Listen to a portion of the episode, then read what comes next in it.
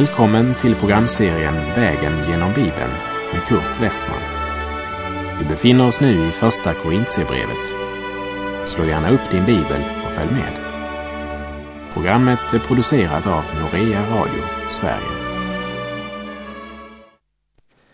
Vi har kommit till Första Korinthierbrevets femtonde kapitel och därmed till ett av Bibelns allra viktigaste och mest avgörande kapitel. För det handlar om uppståndelsen. Kristi uppståndelse som har skett och vår uppståndelse som skall ske. Det är så viktigt att det faktiskt besvarar kyrkans första kätteri och villolära, som var förnekandet av vår Herre Jesu Kristi uppståndelse. I det här kapitlet så kommer Paulus till den tredje av viktiga andliga lärdomar för den troende. Som du minns så tog han först upp det världsliga, det vill säga han tog upp sådant som de i Korint tyckte var så stort och viktigt och som är så betydelsefullt än idag för många människor. Så vände sig Paulus från det timliga yttre och till det andliga och till de gåvor Gud önskade utrusta både den enskilde och församlingen med. Därifrån tar Paulus steget till kärlekens kapitel. Alla nådegåvor måste praktiseras i kärlek. Och kärlek är en av Andens frukter. Det är inte något som vi kan träna oss upp till eller förtjäna. Men det blir skänkt oss av Gud på samma sätt som grenarna bär frukt så länge som de sitter på stammen. Bli i mig, sa Jesus, så bär ni rik frukt. Och därmed så går Paulus vidare till nästa stora andliga sanning. Och det är Jesu Kristi uppståndelse och vår uppståndelse. Livet i Gud har inte döden som sista station. För evangeliet om Jesus Kristus strålar som en morgonstjärna över en jord full av gravar. Och Jesu tomma grav talar till oss om den Guds kraft som reste Kristus från död och grav. Den kristne ser alltid bortom solnedgången och mot den eviga soluppgång som verkligen ger livet mening. Tidigare så kunde man ofta höra sången Ska det bli några stjärnor i kronan du får när du avlagt din jordiska skrud. Man hör ju inte den sången så ofta längre. Kanske därför att de flesta satsar allt på att bli stjärnor här nere. Det är min bön att Herren själv ville göra det undret med oss när vi vandrar genom första Korinthierbrevets femtonde kapitel. Att våra ögon öppnades så att vi kunde se och gripa den underbara sanning som ligger i Kristi uppståndelse. För det är en av de bärande sanningarna i evangeliet om Jesus. För utan uppståndelsen så blir till och med Kristi död på korset meningslös. Ja, utan uppståndelsen så är faktiskt allt annat meningslöst. Han dog för att förlossa oss från våra synder och han uppstod igen till vår rättfärdiggörelse. Romarbrevet 4, verserna 24 och 25 säger Rättfärdighet kommer att tillräknas oss som tror på honom som från de döda uppväckte Jesus, vår Herre. Han som utlämnades för våra synders skull och uppväcktes för vår rättfärdiggörelses skull. Men sanningen om Kristi uppståndelse tonar allt för svagt och allt för sällan idag. Och låt oss ha det helt klart för oss att det inte bara är en andlig uppståndelse, men det handlar om kroppens uppståndelse. När Emmaus-lärjungarna hade insett att det var Jesus som besökt dem, då springer de till Jerusalem där de elva var samlade tillsammans med några andra. Och när de berättat om vad de upplevt så svarar de andra som det står i Lukas 24. Herren har verkligen uppstått och han har visat sig för Simon och själva berättade de vad som hade hänt på vägen och hur han blev igenkänd av dem när han bröt brödet. Medan de talade om detta stod Jesus själv mitt ibland dem och sa Frid vare med er. Uppskakade och förskräckta trodde de att de såg en ande. Men han sa till dem varför är ni så förskräckta och varför stiger det upp tvivel i era hjärtan? Se på mina händer och mina fötter att det verkligen är jag. Rör vid mig och se. En ande har inte kött och ben som ni ser att jag har. Lärjungarna trodde först att det var en ande de såg. Men då säger Jesus, rör vid mig. En ande har inte kött och ben som ni ser att jag har. Det handlar alltså om kroppens uppståndelse. Hoppet om evigt liv och tron på kroppens uppståndelse är förankrad i den verklighet att Jesus Kristus har uppstått. Jag tror på kroppens uppståndelse och ett evigt liv. För att förstå Bibelns budskap så måste vårt tros öga smörjas av den helige Andes olja. Endast då får ordet verklig betydelse och när vi förstår är det viktigt att vi tar konsekvenserna av det vi förstått och inrättar vårt liv efter det. Vi måste vara klara över att Paulus talar inte om en andlig uppståndelse men om kroppens uppståndelse. Varför är det så viktigt för Paulus att påminna de kristna i Korint om att uppståndelsen hör till den kristna lärans grundsanningar? Jo, därför att församlingen i Korint hade förstått att de behövde hjälp när det gällde den praktiska livsförseln i ett miljö som var så präglat av hedendom som livet i Korint. Så de hade hänvänt sig till Paulus och frågat om de tingen. Men de insåg inte hur allvarligt det var att avvika från den klara bekännelsen av frälsningens grundsanningar nämligen Kristi försoningsdöd på korset, Kristi återkomst och de dödas uppståndelse. Och som vi ska se så var det nog flera i Korint som på grund av den förakt som hedningarna visade för detta budskap så tonade de ner förkunnelsen om uppståndelsen. Paulus skriver därför nu och slår fast att utan uppståndelsen så är det inte heller något evangelium. Och evangeliet vilar inte på några fantasier eller drömmar, utan på historiska fakta. Evangeliet är inte det tio bud eller bergspredikan. Evangeliet är en hel rad av fakta angående en person och den personen är Jesus Kristus.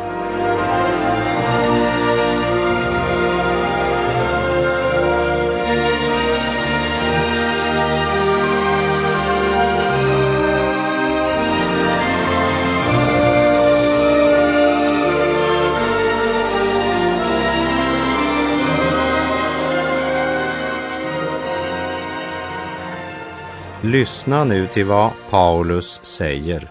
Första Korinthierbrevet 15, verserna 1 till och med 4. Bröder, jag vill påminna er om evangeliet som jag predikade för er, som ni tog emot och står fasta i, och genom vilket ni blir frälsta. Jag vill påminna er om orden som jag förkunnade, om ni nu håller fast vid dem. Annars var det förgäves att ni kom till tro. Jag meddelade er det allra viktigaste, vad jag själv hade tagit emot. Att Kristus dog för våra synder enligt skrifterna. Att han blev begravd, att han uppstod på tredje dagen enligt skrifterna. Paulus säger, jag är inte författaren, bara brevbäraren. Det som jag förkunnar, det är inte något som jag har hittat på. Jag har mottagit det, precis som Mose mottog lagen på Sinai och sedan gav det vidare till Josua. Och på samma sätt som lagen kom från Gud, så har också evangeliet kommit ifrån Gud. Och jag har bara predikat för er vad jag själv har mottagit. Jag har inte lagt till något, inte heller dragit ifrån något, men bara gett det vidare. Det är inte mina personliga synpunkter jag framfört, inte heller min personliga religiösa reflektion, utan det handlar helt enkelt om det jag mottagit från Gud. Jag meddelade er det allra viktigaste, vad jag själv hade tagit emot att Kristus dog för våra synder enligt skrifterna, att han blev begravd, att han uppstod på tredje dagen enligt skrifterna.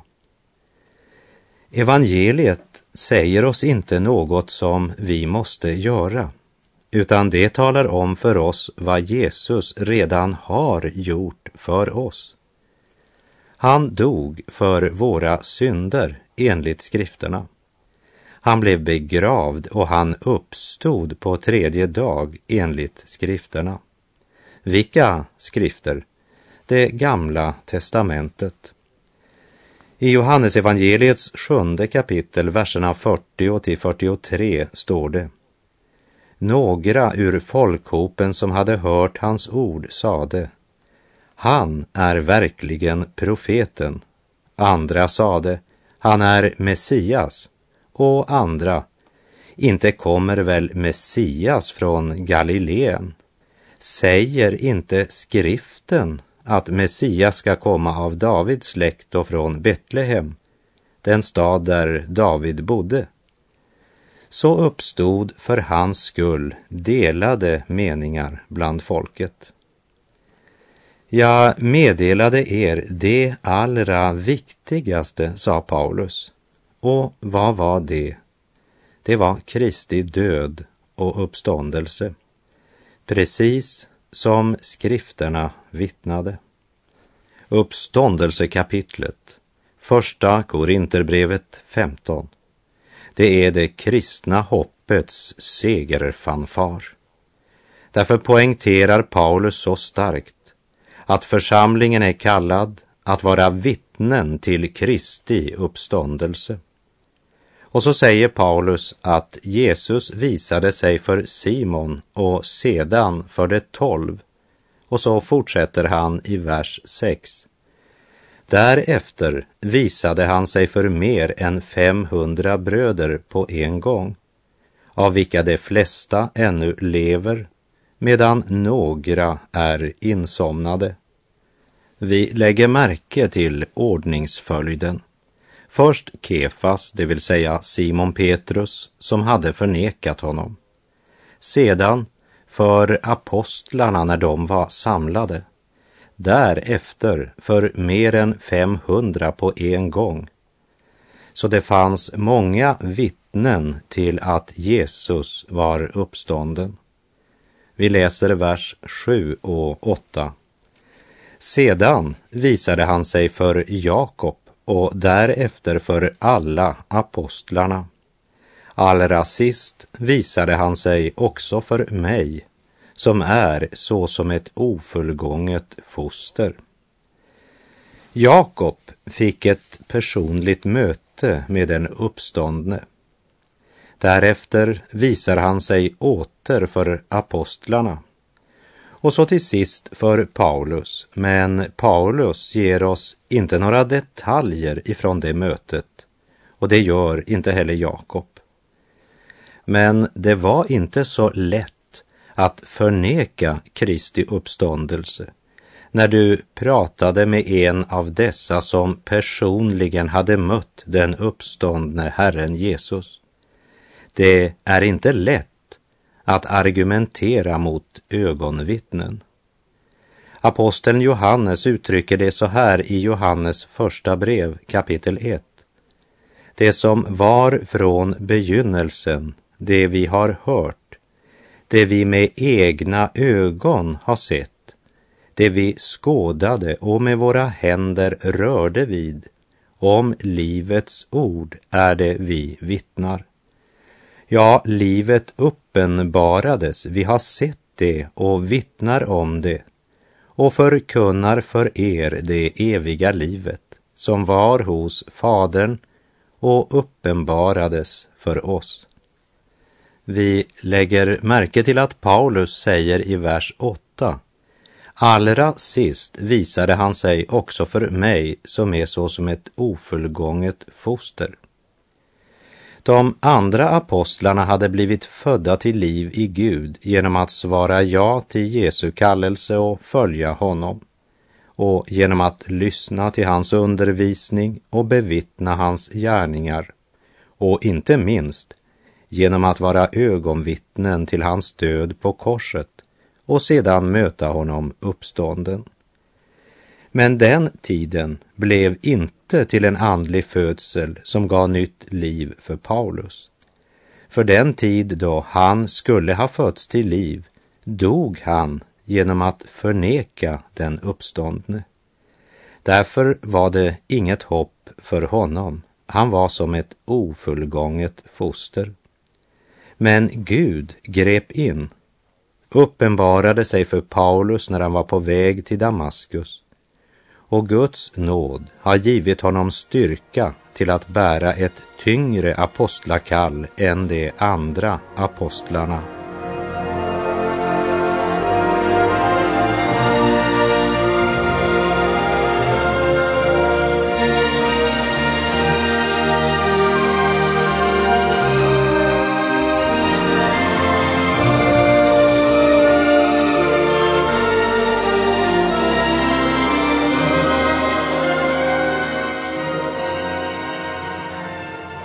Vi läser i Första Korinthierbrevet 15, vers 9 och 10. Ty jag är den ringaste av apostlarna. Jag är inte värd att kallas apostel eftersom jag har förföljt Guds församling. Men genom Guds nåd är jag vad jag är och hans nåd mot mig har inte varit förgäves utan jag har arbetat mer än de alla, fast eh, inte jag själv, utan Guds nåd som varit med mig. Paulus hade mött Jesus personligen och mottagit förlåtelse, men om såren var läkta så fanns ärren kvar. Och när han tänker på att han har förföljt dem som bekände tron på Jesus så känner han sig ovärdig att vara apostel. Han är fullt klar över att han arbetat mera än de flesta och han är lika klar över att det är inte något han kan berömma sig av, för det var Guds nåd som varit verksam. Och så påminner Paulus om att det var genom förkunnelsen av den uppståndne som de hade kommit till tro. Det var det Paulus hade förkunnat också i Korint. Och det var detsamma som de andra apostlarna förkunnade, vers 11. Vare sig det gäller mig eller de andra, så förkunnar vi detta. Och det är detta ni har kommit till tro på. Och här repeterar vi verserna 3 och 4. Jag meddelade er det allra viktigaste, vad jag själv hade tagit emot. Att Kristus dog för våra synder enligt skrifterna, att han blev begravd, att han uppstod på tredje dagen enligt skrifterna. Den som förnekar en av dessa tre grundläggande sanningar är inte en kristen. Det första, Jesus dog för våra synder. Det andra, han blev begraven och det tredje, han är uppstånden. Vi har eh, inte likt apostlarna varit ögonvittnen till hans död. Men vi har genom apostlarnas vittnesbörd hört budskapet om Jesu död och uppståndelse. Vi håller oss till vad ögonvittnena har sagt och skrivit. Vi ser honom med trons öga och vi hör hans röst när ordet blir levande genom Andens vittnesbörd. Men även vi har ett personligt förhållande till Jesus. Det är inte bara andrahandsinformation. Men här och nu är Jesus en levande verklighet därför att han är uppstånden och lever.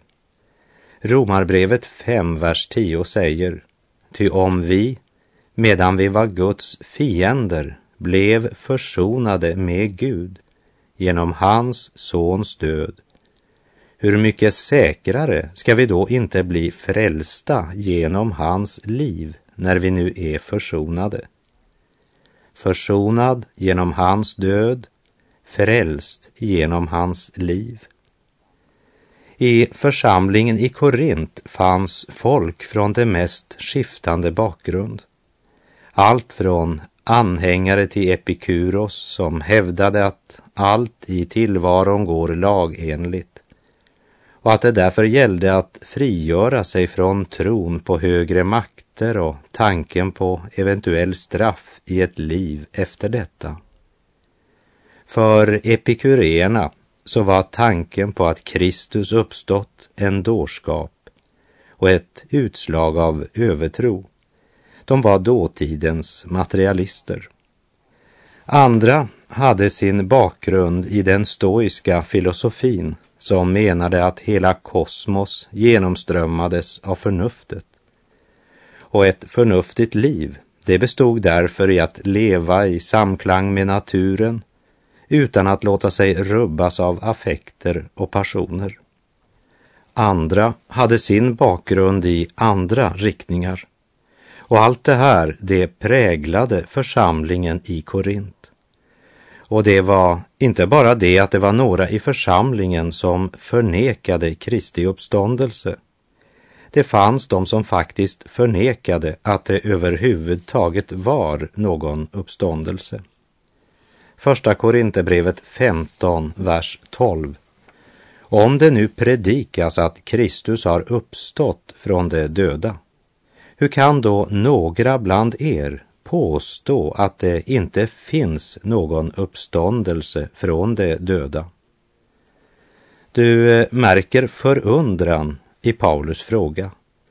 Helt enkelt därför att den kristna förkunnelsen är en uppståndelseförkunnelse.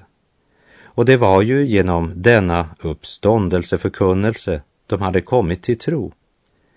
Hur kan de då säga att det inte finns någon uppståndelse och samtidigt säga att de tillhör de troende? Vers 13 till och med 15. Om det inte finns någon uppståndelse från de döda har inte heller Kristus uppstått. Men om Kristus inte har uppstått, då är vår predikan meningslös och er tro meningslös. Då står vi där som falska vittnen om Gud, eftersom vi har vittnat mot Gud, att han uppväckte Kristus som han inte har uppväckt om det verkligen är så att döda inte uppstår. Om inte Kristus har uppstått så är alla apostlarna bara falska vittnen. Men de hade mött den uppståndne Kristus och var redo att dö för den sanningen. Man är ju inte redo att dö för något som man vet är en lögn. Vi läser vers 16 till och med 19. Ty om de döda inte uppstår har inte heller Kristus uppstått. Men om Kristus inte har uppstått, då är er tro meningslös och ni är ännu kvar i era synder. Då har också de som insomnat i Kristus gått förlorade. Gäller vårt hopp till Kristus bara detta livet, då är vi det mest ömkansvärda bland människor. Om inte Kristus har uppstått så är du förlorad. För om inte Kristus har uppstått från de döda så är du ännu kvar i dina synder. Livet i Kristus är en verklighet här och nu, men det är också en evig framtid i Kristus. Församlingen ska inte vara en dogmatisk skola som övar upp människor i vissa religiösa teorier eller tankesystem. Men församlingen skulle vara den plats där du skulle kunna möta Kristus genom en förkunnelse fylld av profetisk kraft och genom gemenskapen i bön och sång och tillbedjan och styrkas och uppbyggas genom de andliga nådegåvornas funktion. Och när anden uppenbarar Kristus utövar han sin gärning. Och då skapas levande tro i ditt hjärta. Och du kan sätta ditt hopp till Kristus här och nu, för det är ju här, i detta liv, vi sätter vårt hopp till Kristus. Och då talar jag om hopp i betydelsen full visshet. Men där är vår tid ute för den här gången. Så ska vi i nästa program se på Paulus jublande utrop.